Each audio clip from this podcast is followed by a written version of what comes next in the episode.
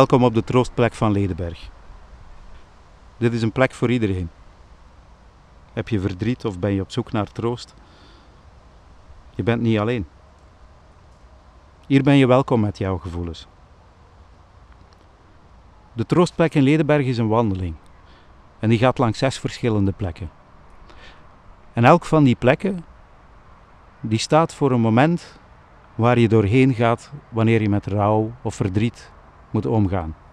Die wandeling is ook een lus. Want die momenten die doorloop je verschillende keren. En misschien is er wel nooit een eindpunt. Misschien is er alleen maar een plek nodig waar die gevoelens kunnen bestaan. Je zit nu aan de vuurcirkel. Deze plek bestaat uit een ring van stenen cirkels met daarin houten banken en oud, dood hout. En in de vloer van de cirkel, die in een put ligt, zit een patroon verwerkt dat een wervelend rad voorstelt. Het is het vuur dat de mensen verzamelt. Het vuur van het leven. Een soort wervelend rad dat maar draait en draait en nooit ophoudt. De cyclus van het leven ook. Het hout dat verteert, paddenstoelen, water dat oprijst en weer daalt. Alles verteert. En ook onze gevoelens. Die verteren we. Ik ben Martien, ik ben de mama van Edwin. Edwin is mijn zoon die 19 jaar geworden is. En die alle weken uh, bij mij kwam op woensdag. En hij was heel uh, spontaan. En hij was ook bezig met uh, muziek altijd. En je, je, kon hem altijd vinden met zijn koptelefoon op. Als hij, hij was zo content omdat hij dat kon doen, omdat zijn papa ook een, een muzikant was.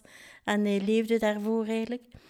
En ja, het was een fijne namiddag als Edwin uh, naar huis gekomen is.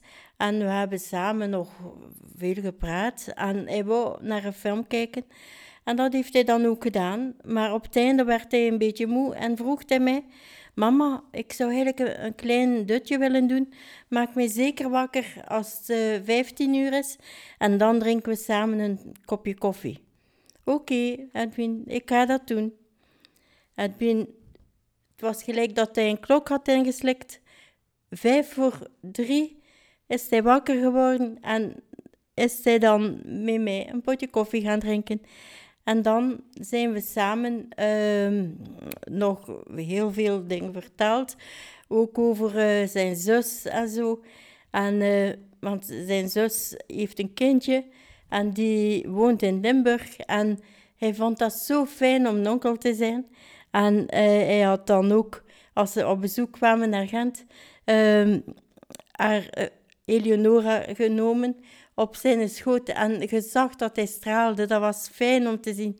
En uh, ik ben zo blij dat hij dat heeft kunnen meemaken. Uh, ook uh, voor Luna, dat is mijn jongste dochter, die heeft ook daar veel plezier aan dat ze met haar...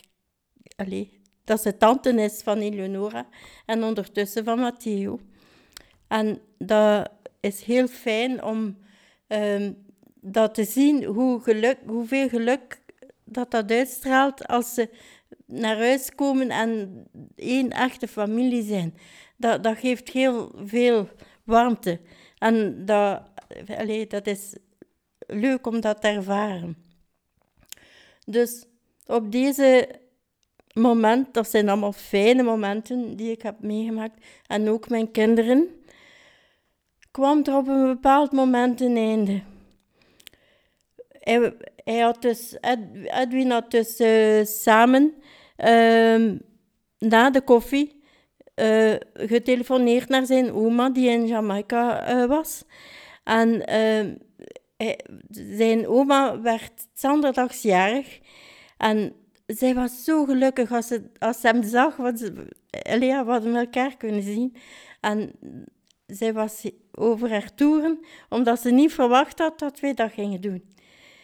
Maar we hebben nog een heel tijdje gepraat met zijn oma. En dan moest Edwin weg. om vijf voor vier in de namiddag moest Edwin weg. En hij had zijn tas mee en alles mee wat hij nodig had. En van een fijn moment werd er abrupt, een einde gemaakt aan, aan dat fijn moment. Edwin ging weg en nam afscheid van, van ons, van zijn zus, zijn broer, de vriendin van mijn oudste zoon en van mezelf met een dikke knuffel. En tot zaterdag, dat uh, was zijn afscheid. Ik, ik bleef zwaaien tot wanneer dat ik hem niet meer kon zien. En dan uh, was hij weg. Nu, daarna heb ik nog even met zijn oma gepraat. En dat was het dan. Ik heb gezegd, ik ga mij nog een potje koffie pakken. Uh, dat is fijn en voor tot, allez, het was plezant. Uh, tot wanneer dat, uh, er een wagen voor mijn deur stopte. En het was, het was de politie. En er waren twee politieagenten die uitgestapt waren. En nog iemand anders, dat bleek later een maatschappelijk assistent te zijn, die bij mij aanbelden. Dus ik dacht, wat is dat hier? Dat is hier niet meer normaal. Er is iets. Dus die mensen bellen aan, die vragen mij uitdrukkelijk, mevrouw, mogen we binnenkomen? En ik zei, ja, dat is geen probleem. Wat is er gebeurd? zei ik onmiddellijk, er is iets. Allee, zet u maar neer, mevrouw. Ik zette me neer en dan zeiden ze dat mijn zoon overleden was. Maar dat kon ik dus niet begrijpen, want het was vijf voor vier als hij weggegaan is en is tweeënhalf vijf overleden. Dus die, die tussenspan, wat is er daar gebeurd? Eh, hoe, wat is er... Allee, je kunt daar niet bij. Dat is uh, onmogelijk om dat te verwerken. Uh, maar toch ik wou eigenlijk naar, naar Edwin gaan, maar de politieagenten hadden mij afgeraden om dat te doen, om dat beeld niet, niet te verdoezelen hoe dat ik hem het laatst gezien had. En ik heb dat dan ook niet gedaan. Nu, mijn, dochter uh, ging met haar broer en zijn vriendin naar de kliniek. En uh, omdat de papa van Michelina heel uh, ziek was, en het was heel, ik belde hem onmiddellijk voor te zeggen wat er gebeurd was. En het was heel moeilijk voor hen om dat te kunnen ja, aanvaarden ook. Hè. Ze hadden juist afscheid genomen van hun broer. Dus alleen, dat is uh, verschrikkelijk. Maar dan uh, zijn, waren er ook nog momenten. Uh, bijvoorbeeld mijn dochter van in Limburg had voor Edwin, voor in de kerk, uh, een liedje gemaakt. Uh, ze had een tekst geschreven en een liedje. Haar man speelde gitaar. Uh, maar Mira was zodanig aangedaan dat ze het niet kunnen zingen heeft in de kerk. het was heel moeilijk om, om op dat moment dat te kunnen doen, want ja, je hebt zoveel emoties en je hebt zoveel vreselijke dingen dat je, je kunt dat niet aan. Maar nu, ik ga toch nog iets leuks vertellen. Uh, Edwin had uh, toch nog het geluk om Eleonora te, te hebben als ze geboren is. En hij heeft op haar schoot gezeten. En dat maakt me zo blij, omdat ik... Hij heeft haar toch gekend. Heeft haar toch kunnen vasthouden. En hij glunderde als hij als hij dat deed, hij was zo blij, zo fier of een gieter. Echt ongelooflijk.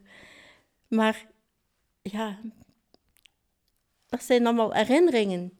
Heel fijne herinneringen, waar we ons ook moeten aan vasthouden. Want ja, dat zijn dingen die niet meer terugkomen.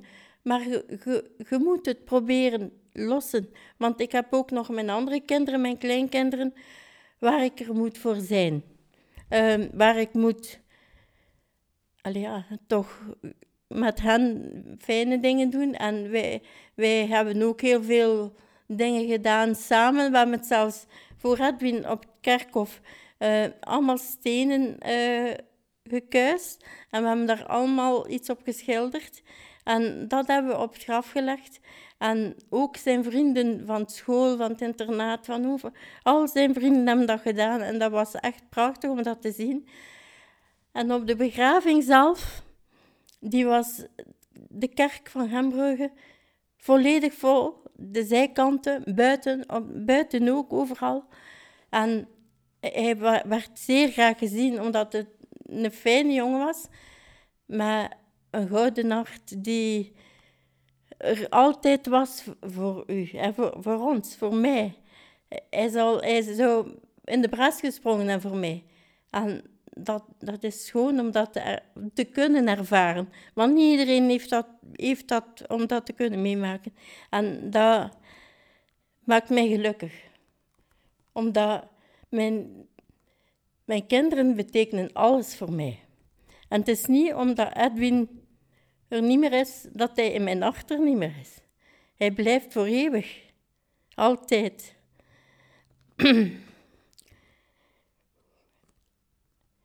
Edwin heeft ook, uh, ik, hij had ook veel vrienden die ook allemaal in de kerk waren voor hem. En heeft, één iemand heeft zelfs een liedje geschreven ook. En achteraf is hij bij mij gekomen en heeft hij me dat laten horen. En ik was zeer beroerd om dat te ervaren. Uh, wat, wat vrienden kunnen betekenen. En ik weet zeker dat, dat hij daar echt uh, gelukkig zou van geweest zijn, had hij dat gehoord. Uh, maar nu, ehm, ook in de kerk had ehm, heb ik iets voorgelezen voor mijn Edwin, omdat dat het laatste is wat dat we konden doen. Uh, het laatste, terwijl Edwin er was, kon ik dit doen voor hem. Hoe moeilijk het ook was, ik heb het gedaan en ik zou het altijd doen. Omdat dat uw taak is als moeder om afscheid te nemen van uw zoon. Ook al is het super moeilijk. En dan heb ik iets geschreven en heb ik het in de kerk voorgedragen. En dat ga ik nu ook doen. Mijn lieve, lieve Edwin, hoe gelukkig was ik toen ik vernam dat ik deze namiddag niet op stage diende te gaan. Want zo kon ik thuis zijn wanneer jij thuis kwam. Zoals gewoonlijk kwam je met jouw was naar huis, zodat ik deze kon wassen als je dan terug de zaterdag naar huis kwam. We hebben samen nog wat televisie gekeken en naar een film gekeken. Daarna ben je in slaap gevallen en zoals gewoonlijk hebben we om 15 uur koffie gedronken. Daarna hebben we nog een beetje buiten in de tuin gezeten en heb je nog een sigaretje gerookt. Ik had het idee om naar uw oma te bellen en ze was heel blij u te kunnen zien. Jouw oma vroeg of alles oké was en je antwoordde alles is goed, alles is fijn. Daarna, om 15.55 uur, ben je thuis weggegaan. Je hebt nog afscheid genomen van Luna, Pat, Michelina en jouw mama. We hebben nog afgesproken wat we zaterdag samen iets zouden klaarmaken. Een cake of zo. Want dat kon je echt zeer goed klaarmaken. Daarna ging je weg met je hoofdtelefoon op om naar je geliefde muziek te luisteren en begaf je je naar de steiger. Je bent in alle rust vertrokken. Toen er later aan de deur gebeld werd en er twee politieagenten en een andere meneer mijn naam vroegen en of ze mochten binnenkomen, vroeg ik onmiddellijk of er iets gebeurd was. En ze zeiden dat ze binnen me de nodige informatie wilden meedelen. Edwin, hoe groot is mijn verdriet dat ik jou niet heb kunnen behoeden voor dit leed. Wat was jouw drijfveer? Wat is er gebeurd nadat je van mij wegging? Dat zijn allemaal vragen, Edwin. Als er jou iemand kwaad heeft berokkend, weet ik dat de waarheid zeker uit zal komen. Uw Pepe zei altijd, al is leugen nog zo snel, de waarheid achterhaalt ze wel. Allen zijn we geraakt in het diepste van ons hart. Maar weet, Edwin, dat ik jou altijd zal liefhebben, mijn zoon. Jij bent een fijn, lief, gevoelige persoon met een hart van goud. Je bent er steeds geweest voor mij. Ik zal steeds met ontzettend veel respect over jou praten.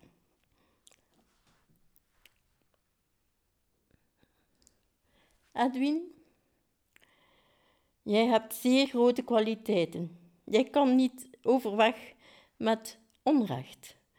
Jij ziet het goede in de mensen. Maar jammer genoeg hebben mensen je in het diepste van je hart gekwetst. En toen ik je vroeg mij te zeggen wat er gebeurd was, en dat je steeds alles kan zeggen aan je mama, wat was jouw antwoord? Ik moet het zelf dragen, het is te erg.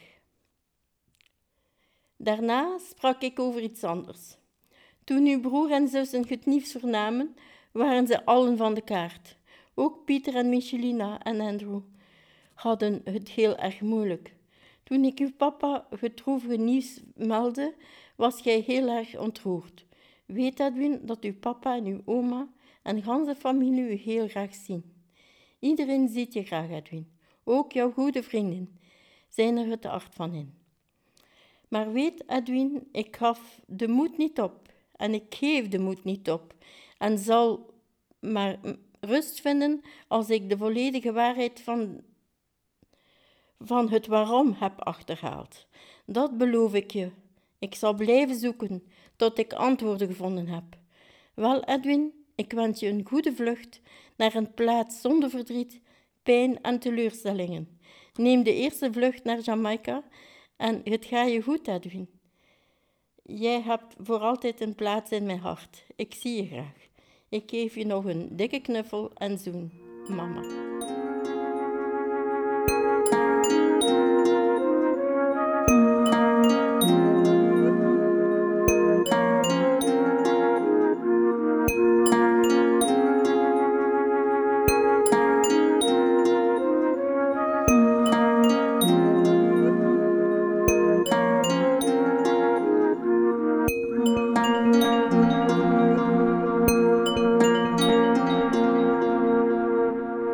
Troostplek is een initiatief van Lokaal Dienstencentrum De Knoop, Wijkgezondheidscentrum Botermarkt en Woonzorgcentrum De Vijvers.